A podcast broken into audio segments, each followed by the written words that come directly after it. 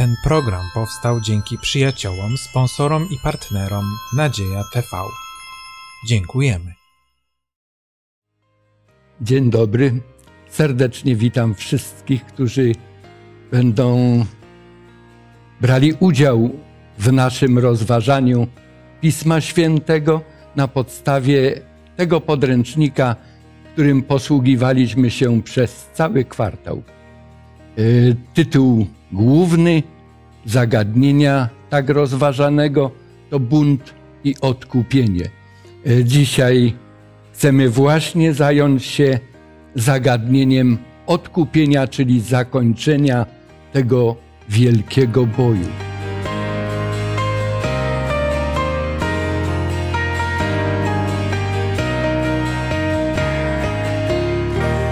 Ja mam na imię Władysław, a razem ze mną w studio są Małgorzata?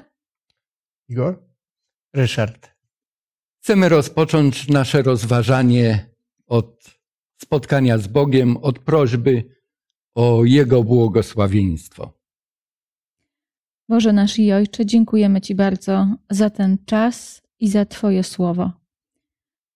Natchnij nas, proszę, Twoimi myślami, daj nam Twoją mądrość i Twoje zrozumienie dla nas i dla wszystkich słuchaczy. Bardzo Cię o to prosimy w imieniu Jezusa Chrystusa. Amen. Amen. Amen. Dziękuję bardzo, Małgosiu. Ja wierzę, że Bóg będzie nam towarzyszył i będziemy mogli swobodnie rozmawiać o tym, co dla nas jest wielką nadzieją, wielką przyszłością. Odkupienie. Mam takie pytanie. Gdy słyszymy słowo odkupienie, hasło odkupienie, co nam przychodzi na myśl? Pierwsze skojarzenia. Odkupienie od win. Aha. Od winy osobistej. No mi się kojarzy, że ktoś za nas zapłacił, albo w ogóle, że ktoś zapłacił, wykupił, no nie, nie kojarzy mi się akurat z kimś, ale nie wiem, wykupił e, ziemię, wykupił coś od kogoś, jakiś dług zapłacił. Mhm. Igorze? No, mi też dodatkowo do tego, co zostało powiedziane, możemy też się kojarzy to, że, że e, te osoby, które zostaną e, wykupione, będą przynależeć do kogoś. Czyli Aha. będziemy należeć do Boga. I mi się wydaje, że też jest, jest ta właśnie piękna myśl, że, że będziemy własnością bezpośrednią Boga. Czy istnieje różnica pomiędzy stwierdzeniem kupienie a odkupienie? No. Jeżeli tak, to na czym polega? Proste odkupienie kojarzy mi się, że odkupujemy coś od kogoś, a mhm. kupujemy swobodnie nie coś, co już należy do kogoś, tylko coś jest, może być niczyje nawet, wystawione na sprzedaż, kupujemy to. Mhm. Odkupienie, odkupujemy coś, co należy do kogoś innego. Właśnie w tym kontekście zbawienia mi się wydaje, że jest bardzo ważna to myśl, byśmy rozumieli, że, że myśmy jesteśmy cały czas własnością Boga. Że byliśmy, nie tyle, że byliśmy, ile, ile cały czas jest, jesteśmy dziećmi Boga. I mhm. czasami jest tak, że niektórzy mówią, że, że, że Pan Bóg nas zaadoptował. Ja nie mogę się zgodzić z tą myślą, dlatego że, że Bóg zawsze był tym, który był naszym Ojcem. I dlatego On przyszedł na świat, żeby nas odkupić. Prawda? Czyli znowu jesteśmy w pełni Jego, y, przynależymy do, do Niego. No, ale jednocześnie w międzyczasie odeszliśmy od tego Ojca, Dokładnie. czyli jakby niestety staliśmy się własnością grzechu, jeżeli można tak powiedzieć. No i tylko Jezus ma tą moc, żeby nas z tego odkupić. Czy można być własnością czegoś, co nie posiada osobowości? No Bo powiedziałaś być. Mhm. własnością grzechu. Ja, ja to rozumiem, ja, ja wiem, co, co się za tym kryje. Ale ja chciałbym to w jakiś sposób e, spersonifikować.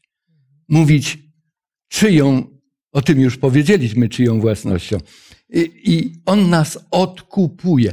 Czy zdarzyło się wam posiadać coś i z jakichś powodów musieliście e, no, sprzedać to, zastaw dać i później chcecie to odzyskać. I ktoś mówi, dobrze, to odkup. Czy cena odkupu jest taka, jak cena zbycia? Nie, to jest odwrotnie właśnie. Ten, który od nas coś kupuje, to chce jak najniżej, jak najmniej zapłacić, a niestety, jeżeli my chcemy odkupić, to musimy kilkakrotnie drożej za to zapłacić. Czy w temacie, który studiujemy, to zjawisko nam się w jakiś sposób zarysowało, że Bóg musiał bardzo dużo zapłacić, o wiele więcej niż wtedy, gdyby do tej tragedii grzechu nie doszło.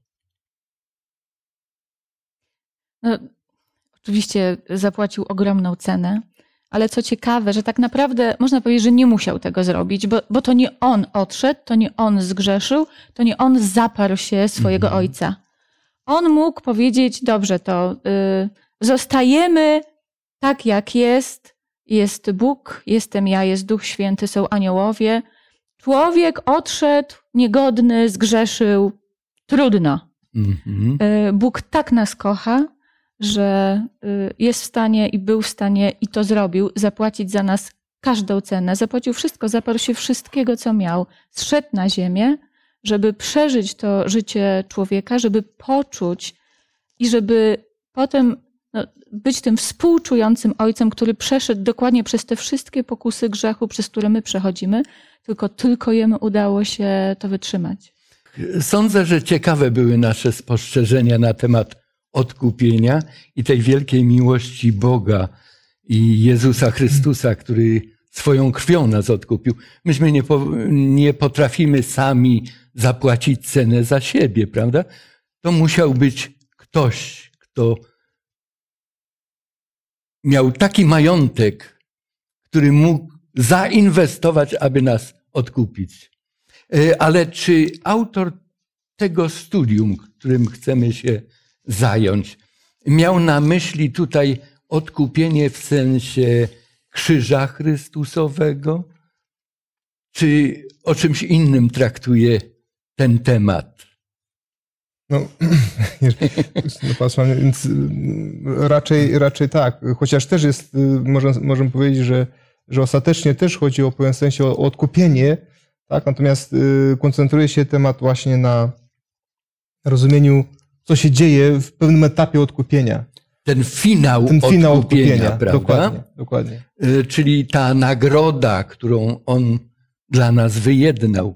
Jeszcze jakieś może dodatkowe myśli uściślające. Znaczy, ja, ja może jeszcze dodam, że y, odkupienie już się zadziało i to jest piękne, że y, jak Jezus zmarł na krzyżu, to my już wiemy, że on zwyciężył i że szatan przegrał. Mhm. Więc to odkupienie się dokonało. Oczywiście my, w każdy, w każdy z nas w życiu decyduje, czy z tego korzysta, czy nie.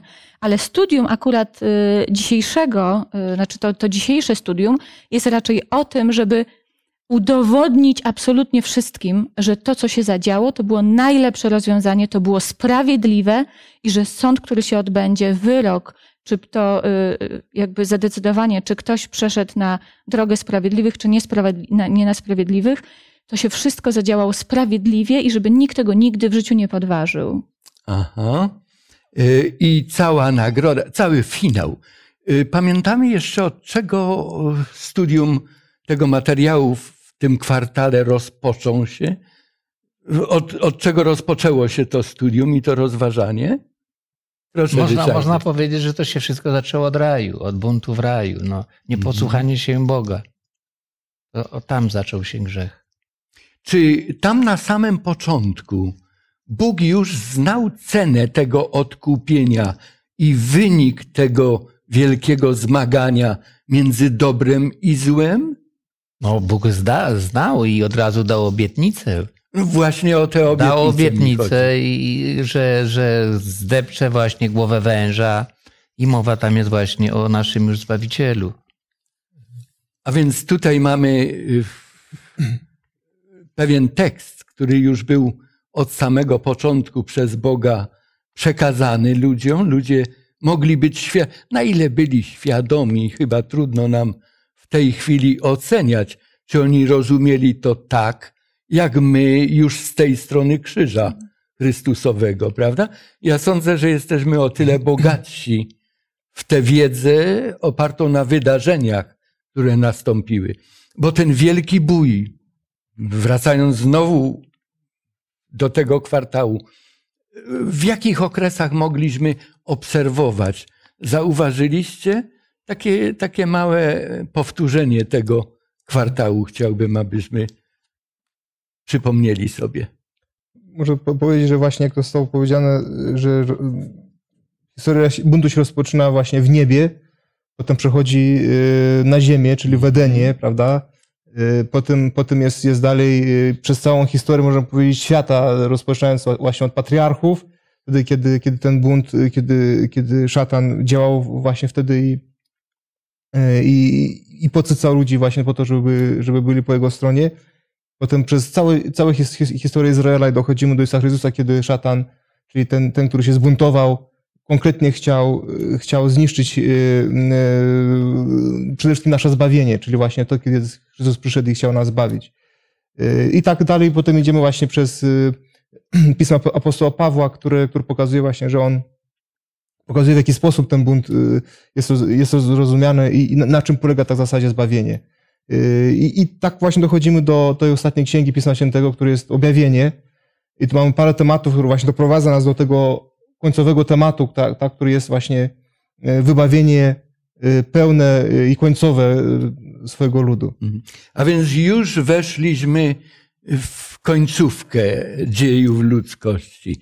I ta lekcja nam ukazuje, jaki będzie końcowy efekt. I mówimy, to będzie to zbawienie. Już ure, urealnione. Nie to, że ktoś za nie zapłacił, nie to, że Chrystus jest zwycięstwem, zwycięzcą, ale że my już będziemy mieli udział w tym odkupieniu, w tym zbawieniu.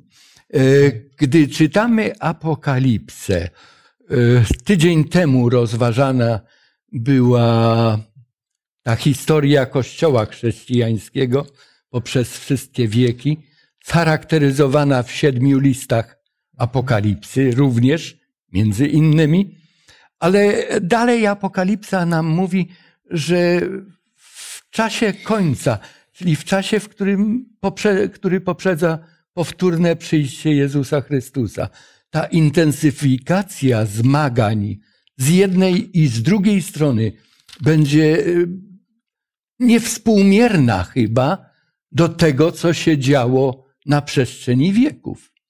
Które rozdziały wam się z Apokalipsy przypominają? I może króciutka taka ich charakterystyka, mówiąca o tym, jak siły zła konsolidują się i walczą z Bogiem, ludem Bożym, aż do samego przyjścia Chrystusa. Zdecydowanie rozdziały 12 i 13 z Księgi Objawienia, Mhm. gdzie mamy tą całą walkę pomiędzy niewiastą czystą a niewiastą odstępczą, tymi siłami, którymi, którym przewodzi smok, e, gdzie mamy e, zwierzę, gdzie mamy fałszywego proroka. I ta walka jest bardzo dobrze opisana i pojawia się w 13 rozdziale jeszcze dodatkowe zwierzę, e, gdzie są opisane te siły religijno-polityczne, które pod przewodnictwem Smoka prowadzą tą ogromną walkę y, z Bogiem i z Jego Kościołem. Y, Czy Apokalipsa ukazuje nam również y, tę pozytywną stronę wielkiego boju? Stronę sprzymierzeńców Boga, dzieci Bożych, również w tym samym czasie, kiedy one są atakowane. Jak się Kościół wtedy zachowuje? No dzieci Boże to będą te, które szerzą przykazań Bożych i to jest Aha. tak oficjalnie napisane, a przeciwnik będzie chciał zmienić czasy, zmienić pory. To jest właśnie e, brat, jak to się mówi, szatana. No ja, ja jeszcze dodam, że nawet w tych listach, o których y, mówiłeś wcześniej, no prawie są, są listy, które jakby nie mają y, pochwały, ale w większości listów, czyli na przestrzeni całej historii, widać po listach od Efezu do, y, może Laodycea to nie jest y, dobry przykład, ale do Filadelfii, że tam są te dzieci Boże, ci ludzie, którzy pomimo trudności, pomimo prześladowań, y, idą za Bogiem, wyznają prawdę i zawsze prawie w każdym liście jest pochwała dla ludzi, którzy są wierni Bogu. No i najpiękniejszy tekst z 12 rozdziału, pozwolę sobie przytoczyć 11 werset. A oni zwyciężyli go przez krew baranka i przez słowo świadectwa swojego i nie umiłowali życia swojego tak, by raczej je obrać niż śmierć. To pokazuje, że są ci, to jest ten Kościół Boży, który, za, który wybiera Boga, wybiera zbawienie, wybiera prawdę. Mhm. Czy mógłbym poprosić kogoś o przeczytanie z 14 rozdziału Apokalipsy, wiersz szósty, siódmy. Bardzo proszę. Może Igorze. I widziałem innego anioła, lecącego przez środek nieba, który miał Ewangelię wieczną, aby ją zwiastować mieszkańcom ziemi i wszystkim narodom i plemionom i językom i ludom, który mówił donośnym głosem. Bójcie się Boga i oddajcie Mu chwałę, gdyż nadeszła godzina sądu Jego i oddajcie pokłon temu, który stworzył niebo i ziemię i morze i źródła wód. A drugi anioł szedł za nim i mówił, upadł, upadł wielki Babilon, który napoił wszystkie narody winem szale, szaleńczej rozpusty. Dziękuję bardzo. A więc, e, co tutaj obserwujemy? Co zostało sprawozdane? No tu jest tekst, gdzie jest wyrażona ogromna nadzieja dla osób tuż przed przyjściem Jezusa. Mhm. Y, Co jest wspaniałe, że jest y, w szóstym wersecie zwiastować mieszkańcom ziemi i wszystkim narodom i plemionom i językom, czyli wszyscy jeszcze mają szansę usłyszeć Ewangelię i opowiedzieć się za nią. Czy mamy jakieś skojarzenie z jakąś wypowiedzią Jezusa Chrystusa na ten sam temat, aczkolwiek, aczkolwiek w innych słowach? No Jezus swoich uczniów zawsze posyłał i mówił, idźcie, głoście całemu światu tą dobrą nowinę. Tak, oni, oni mieli to zadanie, ale w czasie końca Chrystus coś zapowiedział, co mnie się bardzo mocno kojarzy z tym tekstem przeczytanym z Apokalipsy. To jest Mateusz, Mateusz. 24 rozdział i wiersz Yy, 14, 14, tak? tak? I będzie głoszona ta Ewangelia o Królestwie po całej ziemi na świadectwo wszystkim narodom i wtedy nadejdzie koniec. Tak. Wtedy przyjdzie koniec. 14 rozdział Apokalipsy, gdybyśmy dalej czytali, to dowiadujemy się, że zaraz następuje opis żniwa. Bardzo często żniwo w przypowieściach Chrystusa, w nauce Chrystusa łączone było z jego powtórnym przyjściem. 19 rozdział Apokalipsy również nam ukazuje ten sam finał i powrót Jezusa Chrystusa.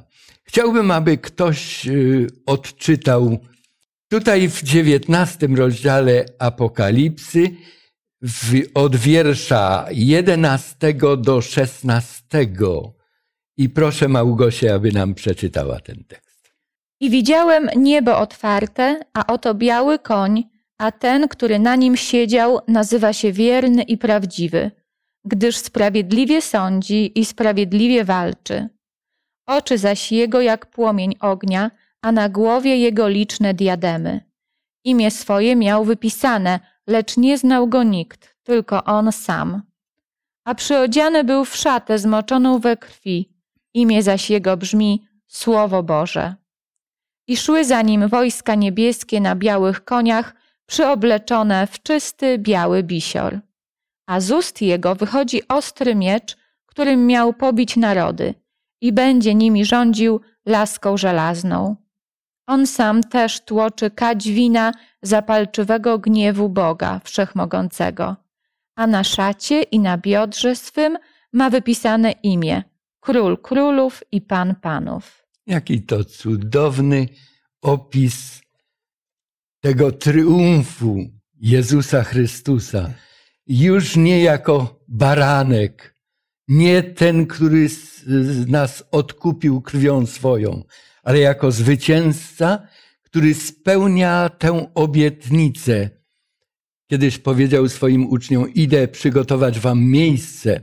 To jest Ewangelia Jana, 14 rozdział i pierwsze słowa. A gdy przy, odejdę i przygotuję wam miejsce, to przyjdę znowu, aby was zabrać do siebie, gdzie ja jestem, abyście i wy byli. Ten dziewiętnasty rozdział przedstawia Kościół wówczas jako oblubienicę Chrystusa, gotową na spotkanie ze swoim oblubieńcem i razem udają się do domu Ojca. Co się dzieje na tej ziemi? Końcówka dziewiętnastego rozdziału upewnia nas o tym, że ta koalicja tych trzech mocy zwierzęcia, fałszywego proroka i smoka rozpada się. I dwa pierwsze człony to są wiersze 20 i 21. Czytamy, że one zostają zniszczone. Natomiast pozostaje trzeci człon tej koalicji. Kto to był? Bo już nie ma zwierzęcia, już nie ma fałszywego proroka, tego upadłego Babilonu, tych, którzy może nawet służyli Bogu, ale później przeciwko niemu wystąpili. Ale jeszcze był trzeci. Został pochwycony smok starodawny, A. zwanym starodawnym, diabeł, no i wrzucony został Właśnie łańcuchem. co się z nim dzieje? Łańcuchem jest związany. I Czy wrzucony. diabła można związać łańcuchem? Pamiętamy, że kiedyś człowiek opętany, opanowany przez szatana, to było w krainie gadareńskiej, y, wybiegł naprzeciwko Chrystusa i tam narrator, ewangelista wpisuje, że jego nie można było związać żadnym łańcuchem. A tu samego upadłego Lucyfera, czyli szatana, diabła, można łańcuchem związać. Jaki to łańcuch może być? No, kojarzy mi się tutaj e, takie określenie związane okolicznościami. I tu ewidentnie wszystko zostało już zniszczone. Ziemia została zniszczona, wrogowie zostali zniszczeni, a wierni zostali pochwyceni razem z Jezusem do nieba. Więc szatan zostaje sam. I tam nic nie ma. Zresztą mamy y, w trzecim wersecie 20 rozdziału takie określenie, aby już nie zwodził narodów. Mhm. On już nic nie może zrobić. Mhm. Niektórzy mówią, aby nie zwodził narodów, to znaczy narody są, tylko nie wolno mu ich zwodzić.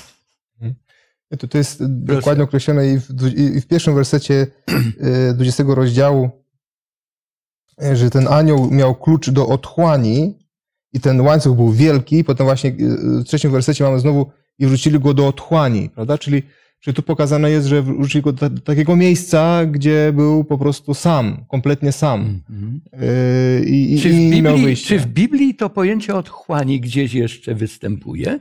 Tak, dokładnie. Wtedy, kiedy Pan Bóg stwarza świat na samym początku, Aha. bo chyba jest w Wabochu, czyli był właśnie pustkowie było, prawda, i w zasadzie nic nie było kształtnego na ziemi, czyli była sama, nie, Nie było życia. było życia, sama woda, prawda, która o- okalała. Chaos. świat. Chaos. Y, Prorok Jeremiasz w czwartym rozdziale, y, może nie będziemy czytali tego tekstu, ja go zreferuję, w czwartym rozdziale opisuje stan ziemi judzkiej po najeździe Babilończyków, już po ostatnim najeździe. Też tam opisane jest, że ta ziemia jest tohu wawochu. Ta ziemia jest niepozorna, próżna, ciemność, nawet ptactwa nie ma. I tu znowu jest powiedziane, że do otchłani demon został wrzucony. Y, Kiedyś demony, które spotkały się z Chrystusem, to go prosiły, żeby ich nie wyrzucał do otchłani, a więc do miejsca ich bezczynności. Tutaj chyba zasłużony urlop diabeł otrzymał, nie? Ile ten urlop będzie trwał? Tysiąc lat. sporo czasu. Tylko czy my możemy twierdzić, że to jest tysiąc kalendarzowych lat? Byłaby to jedyna liczba podana w Apokalipsie, którą należałoby przyjąć dosłownie. Wszystkie inne są symboliczne. W każdym razie to świadczy o tym, że jest to długi czas, bardzo długi czas. Komu ten długi czas jest potrzebny? Czy diabłu on jest potrzebny? Na pewno nie. Nie, Nie? nie zmieni go to. Jego, Kiedyś czytałem taką dyskusję między prawnikami, którzy, to było w tym czasie, kiedy dyskutowano, czy karę śmierci należy utrzymać, czy lepiej ją zlikwidować. I pewna grupa prawników doszła do wniosku, że karę śmierci można by zastąpić czymś gorszym niż kara śmierci. Uwięzienie przestępcy na miejscu dokonanej zbrodni. Ja sądzę, że Bóg, diabeł chciał założyć swoje królestwo tutaj na tej ziemi, mówiąc z przekąsem, pozwala mu się nacieszyć tym królestwem. Bo tak diabeł działa. Obiecywał pierwszym naszym rodzicom, będziecie jak bogowie znający dobro i zło, a później ich zabił. Jest niesamowite. I tak zabił miliony, miliony ludzi. I teraz na tej opustoszałej ziemi jest. On ma czas na przemyślenia. Mnie osobiście to przekonuje, Bóg nie jest furiatem. Że tutaj wreszcie Chrystus jako król królów przyszedł, wszystko w kawałki połamie. Nie, on w sposób bardzo rozsądny, mądry, przy współpracy innych istot, a nawet samego diabła. Chce wykazać, kto miał rację w wielkim boju. Jak zbawieni, bo tutaj padło to stwierdzenie, że zbawieni są przez tysiąc lat w niebie. Jak oni spędzają ten czas? Ktoś przeczytam nam może ten wiersz czwarty. I widziałem trony i usiedli na nich ci, którzy dano prawo sądu. Widziałem też dusze tych, którzy zostali ścięci za to, że składali świadectwo o Jezusie i głosili Słowo Boże oraz tych, którzy nie oddali pokłonu zwierzęciu, ani posągowi Jego i nie przyjęli znamienia na czoło i na rękę swoją. Ci ożyli i panowali z Chrystusem przez tysiąc lat. Dziękuję bardzo. Święci mają prawo sądu? Kogo oni będą sądzić? Czy Biblia zna, a może zapowiada gdzieś to, o czym tutaj czytamy, co w milenium, bo ten okres tysiąca lat, to mille to jest tysiąc i annus rok, tysiąc lat w tym okresie tysiąclecia będą czynić? Czy ktoś z Was zna jakieś teksty biblijne na ten temat? Właśnie mam go otwartego i To powiedz nam, gdzie on jest zapisany. to jest pierwszy list Pawła do Koryntian, szósty rozdział i jest e, drugi, trzeci wiersz. Bardzo proszę. Czy nie wiecie, że święci świat sądzić będą, a jeśli wy świat sądzić będziecie, to czyż jesteście niegodni osądzać sprawy pomniejsze? Czy nie wiecie, że aniołów sądzić będziemy, cóż dopiero zwykłe sprawy życiowe? A więc kogo będą sądzić? Aniołów? Świat? Ludzi? Jedno jest pewne, że gdy zbawieni znajdą się w królestwie, w domu Ojca, jak to Chrystus nazwał, to nie będą cierpieć na zanik pamięci. Jedna z chrześcijańskich pisarek, Ellen White, napisała, że czekają nas tam niespodzianki. Zresztą e, to samo kiedyś napisał Pascal.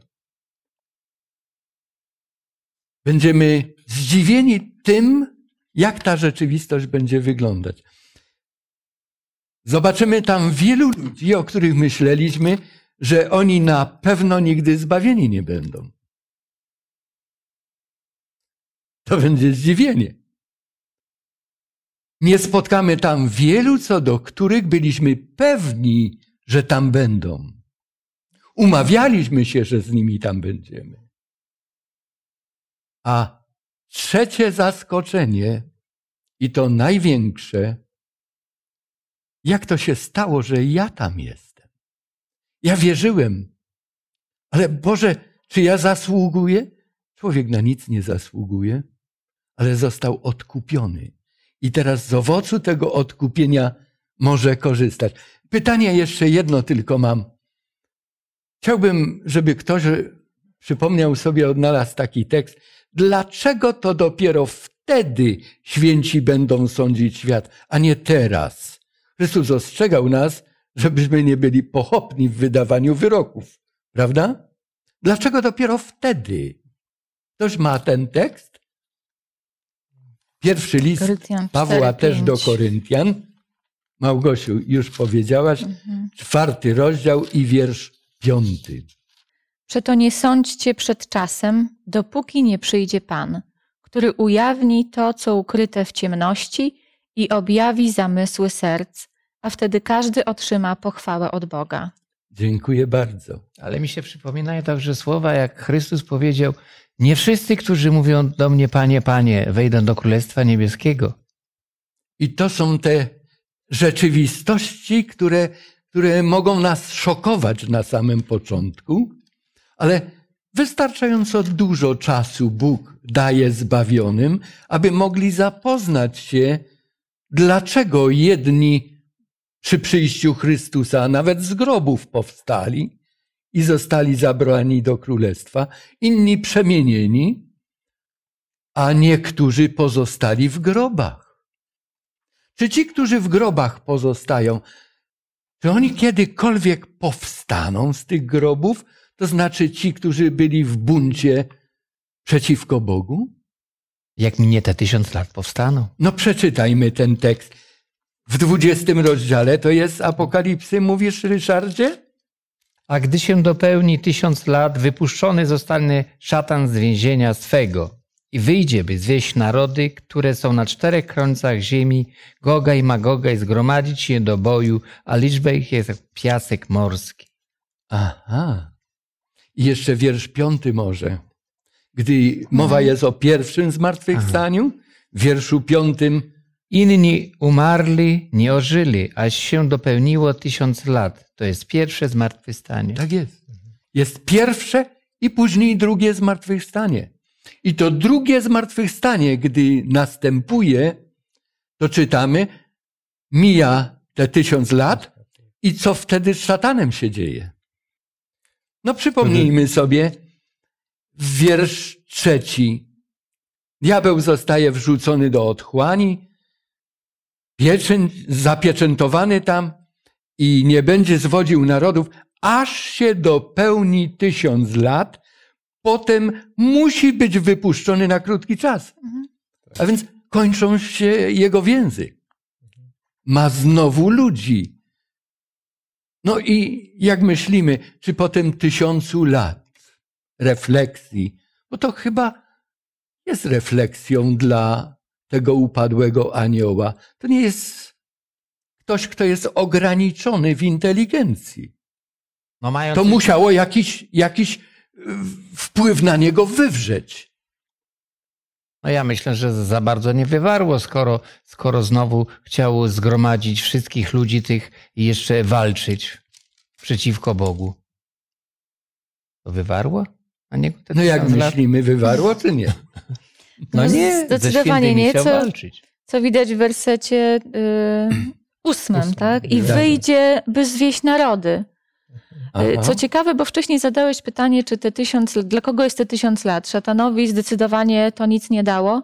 Natomiast faktycznie y, szatan y, będzie miał okazję oglądać ziemię taką, do której dążył, bo on dąży do śmierci nas wszystkich. Więc jeżeli dąży do śmierci nas wszystkich, to tak naprawdę on chciałby świat dla siebie. I on widzi zniszczoną ziemię, wszyscy zginęli, on jest. Doprowadził do tego pozornie, co chciał. I dalej zupełnie nie dało mu to do myślenia. Ja mam trochę inne I- zdanie. I nie dlatego, że, że prowadzę z wami to studium, żebyście musieli przytaknąć, ale powiem, dlaczego myślę troszeczkę odmiennie.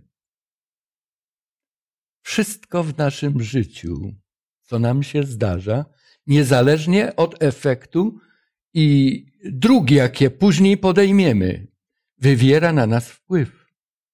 Albo ku dobremu, albo ku złemu. A jeżeli jest to już złe, to ku gorszemu. Co to spowodowało? Przed całym wszechświatem się obnażył jako ten, który jest mordercą.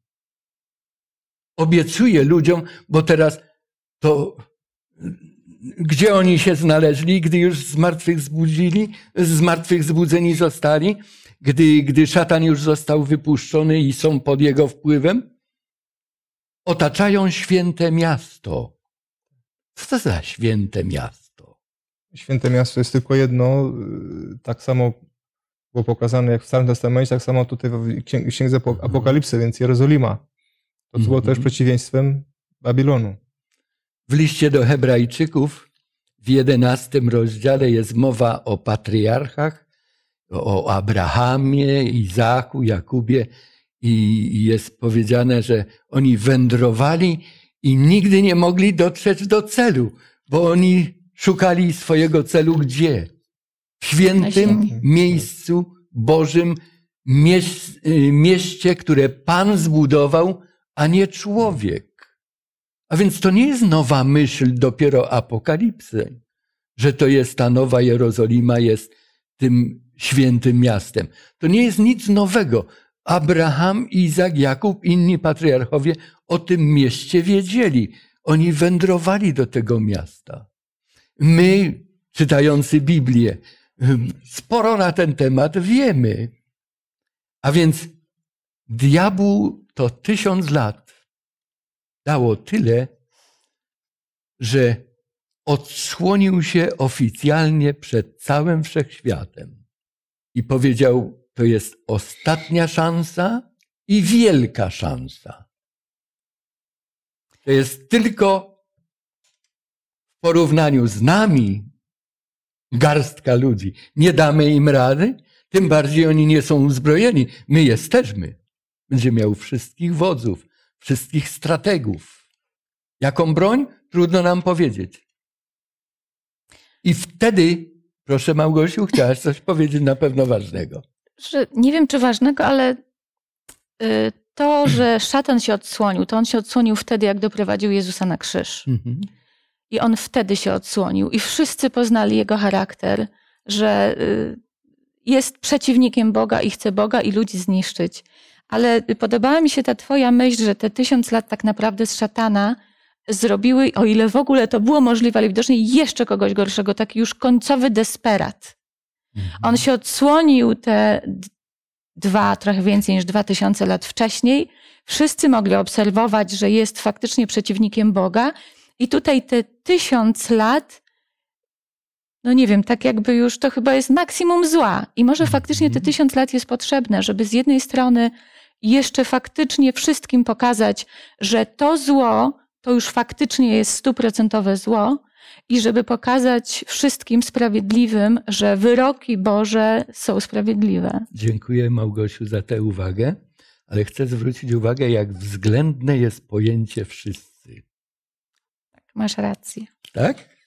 Przez te tysiąc lat to tam jeszcze nie wszyscy. Wszyscy dopiero są razem po milenium. Tak. Tam tylko sprawiedliwi. Wtedy przed wszystkimi się. Teraz przed ludźmi, którzy czytają Biblię, wierzą w Boga, jest zdemaskowany, ale inni ludzie Mhm. absolutnie, niektórzy służą, myśląc, że służą Bogu, wędrują w jego, w jego orszaku. Mhm. Y, Ale tutaj zatrzymuje się, tak sobie to wyobrażam, jak gdyby akcja, ten kadr. I wtedy rozpoczyna się jeszcze jedna faza sądu. Ktoś może przeczyta od wiersza 11 do wiersza 15 do końca. I widziałem wielki biały tron i tego, który na nim siedzi, przed którego obliczem pierzchła ziemia i niebo, i miejsca dla nich nie było. I widziałem umarłych, wielkich i małych, stojących przed tronem, i księgi zostały otwarte.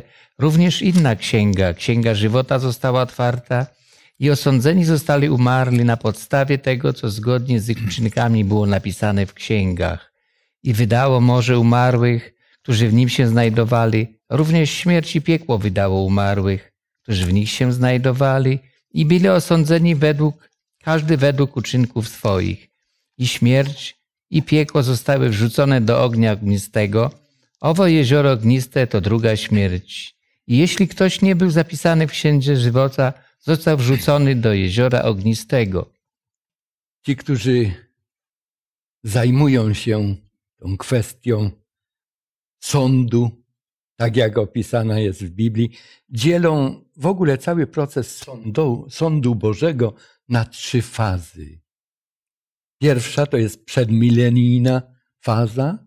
Ona decyduje o tym, i to Bóg decyduje, kto należy do Niego, a kto do Niego nie należy.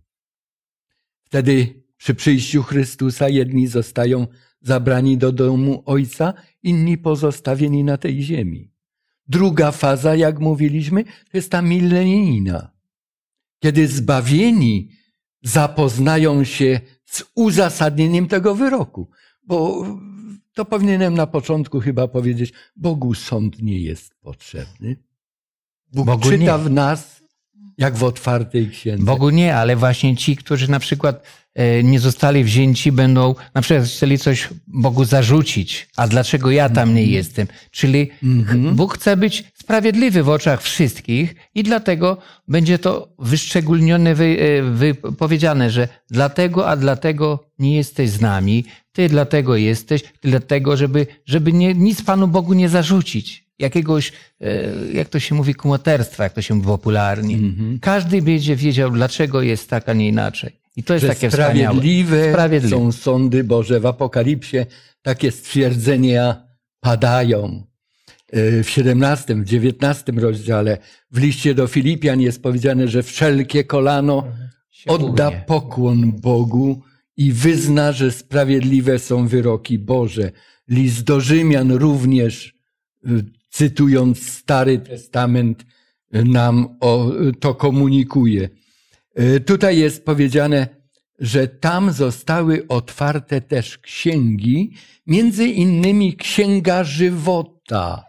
Księga Żywota to jest księga, w której zapisane są imiona tych, którzy oddali swoje życie Chrystusowi.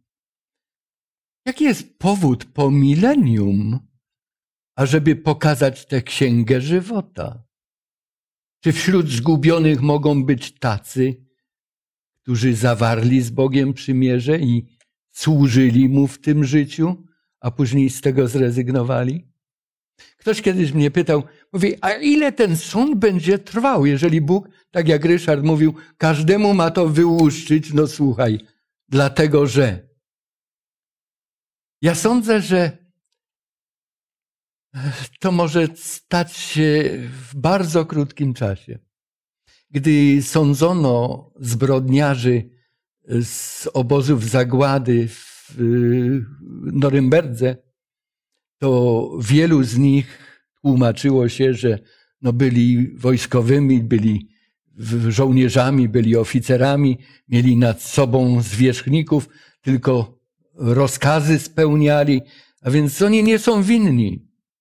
I w pewnym momencie przyciemniono światło na sali sądowej i na ekranie wyświetlono film. Film z ich życia. Często te filmy były przez nich samych kręcone. I wtedy wszelkie kolano się ugięło, mówiąc obrazowo. Nikt nie miał już żadnych wymówek. Każdy wiedział, że zasłużył na to, co zasłużył, że mógł przecież zupełnie inne życie prowadzić niż prowadził. Tutaj Jan w dalszych rozdziałach 21 i 22 opisuje, jak wygląda ta rzeczywistość, ten, ten owoc odkupienia. I usłyszałem donośny głos z tronu mówiący: Oto przybytek Boga między ludźmi i będzie mieszkał z nimi, a oni będą ludem Jego, a sam Bóg będzie z nimi. I otrze wszelką łzę z oczu ich, i śmierci już nie będzie, ani smutku, ani krzyku, ani mozołu już nie będzie, albowiem pierwsze rzeczy przeminęły. I rzekł ten, który siedział na tronie, oto wszystko nowym czynię i mówi, napisz to, gdyż słowo te są pewne i I prawdziwe. jeszcze jeden tekst, szósty. I rzekł do mnie, stało się. Jam jest alfa i omega, początek i koniec. Ja pragnącemu dam darmo ze źródła wody żywota. Zwycięzca odziedziczy to wszystko i będę mu Bogiem, a on będzie mi synem. To jest wielka miłość. Y, Tę miłość Bóg ma do każdego człowieka. Drodzy słuchacze, kończymy kwartał rozważań na temat tego wielkiego boju i dzisiaj cieszymy się tą wizją zwycięstwa. Ja jeszcze chciałem przeczytać zaproszenie, które dla każdego człowieka Bóg wysyła. Duch i oblubienica. Duch to Duch Święty, oblubienica to właśnie ten Kościół Boży, często poniewierany. Mówią, przyjdź. A kto słyszy, niech powie przyjdź, a kto pragnie, niech przychodzi, a kto chce, niech darmo bierze ze źródła wody żywej. Darmo, bo już jesteśmy odkupieni. Niech Bóg błogosławi nas wszystkich.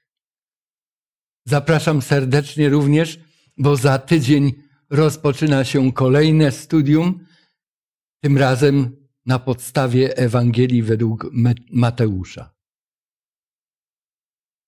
Wszystkiego najlepszego życzę Wam, drodzy słuchacze. Niech Bóg będzie z nami. Do zobaczenia tam przy drzewie żywota. Modlitwą zakończymy. Ukochany Ojcze, dziękujemy Ci całym sercem za Twojego Syna Jezusa Chrystusa, za Jego zbawienie, a nade wszystko, Boże, za Twoją miłość tak cudowną i wielką, że ukochałeś cały ten naród, cały ten świat Twój, który tak pięknie stworzyłeś, i że znowu przywrócisz, przywrócisz to piękne, jakie było w raju, jak był Adam i Ewa. Dziękujemy Ci całym sercem. Panie, mieszkaj w naszych sercach i przydaj jeszcze ludziom wiary i pomagaj każdemu, kto jeszcze nie idzie tą drogą, którą by nie chciał iść. Spraw, żeby, Panie, jak najwięcej osób ukochało Ciebie i było z Tobą, za Twoim Synem, Jezusem Chrystusem. I dziękujemy Ci za to studio kwa- kwartalne i za to, że mogliśmy tutaj dzisiaj rozważać Twoje słowa. Amen. Amen.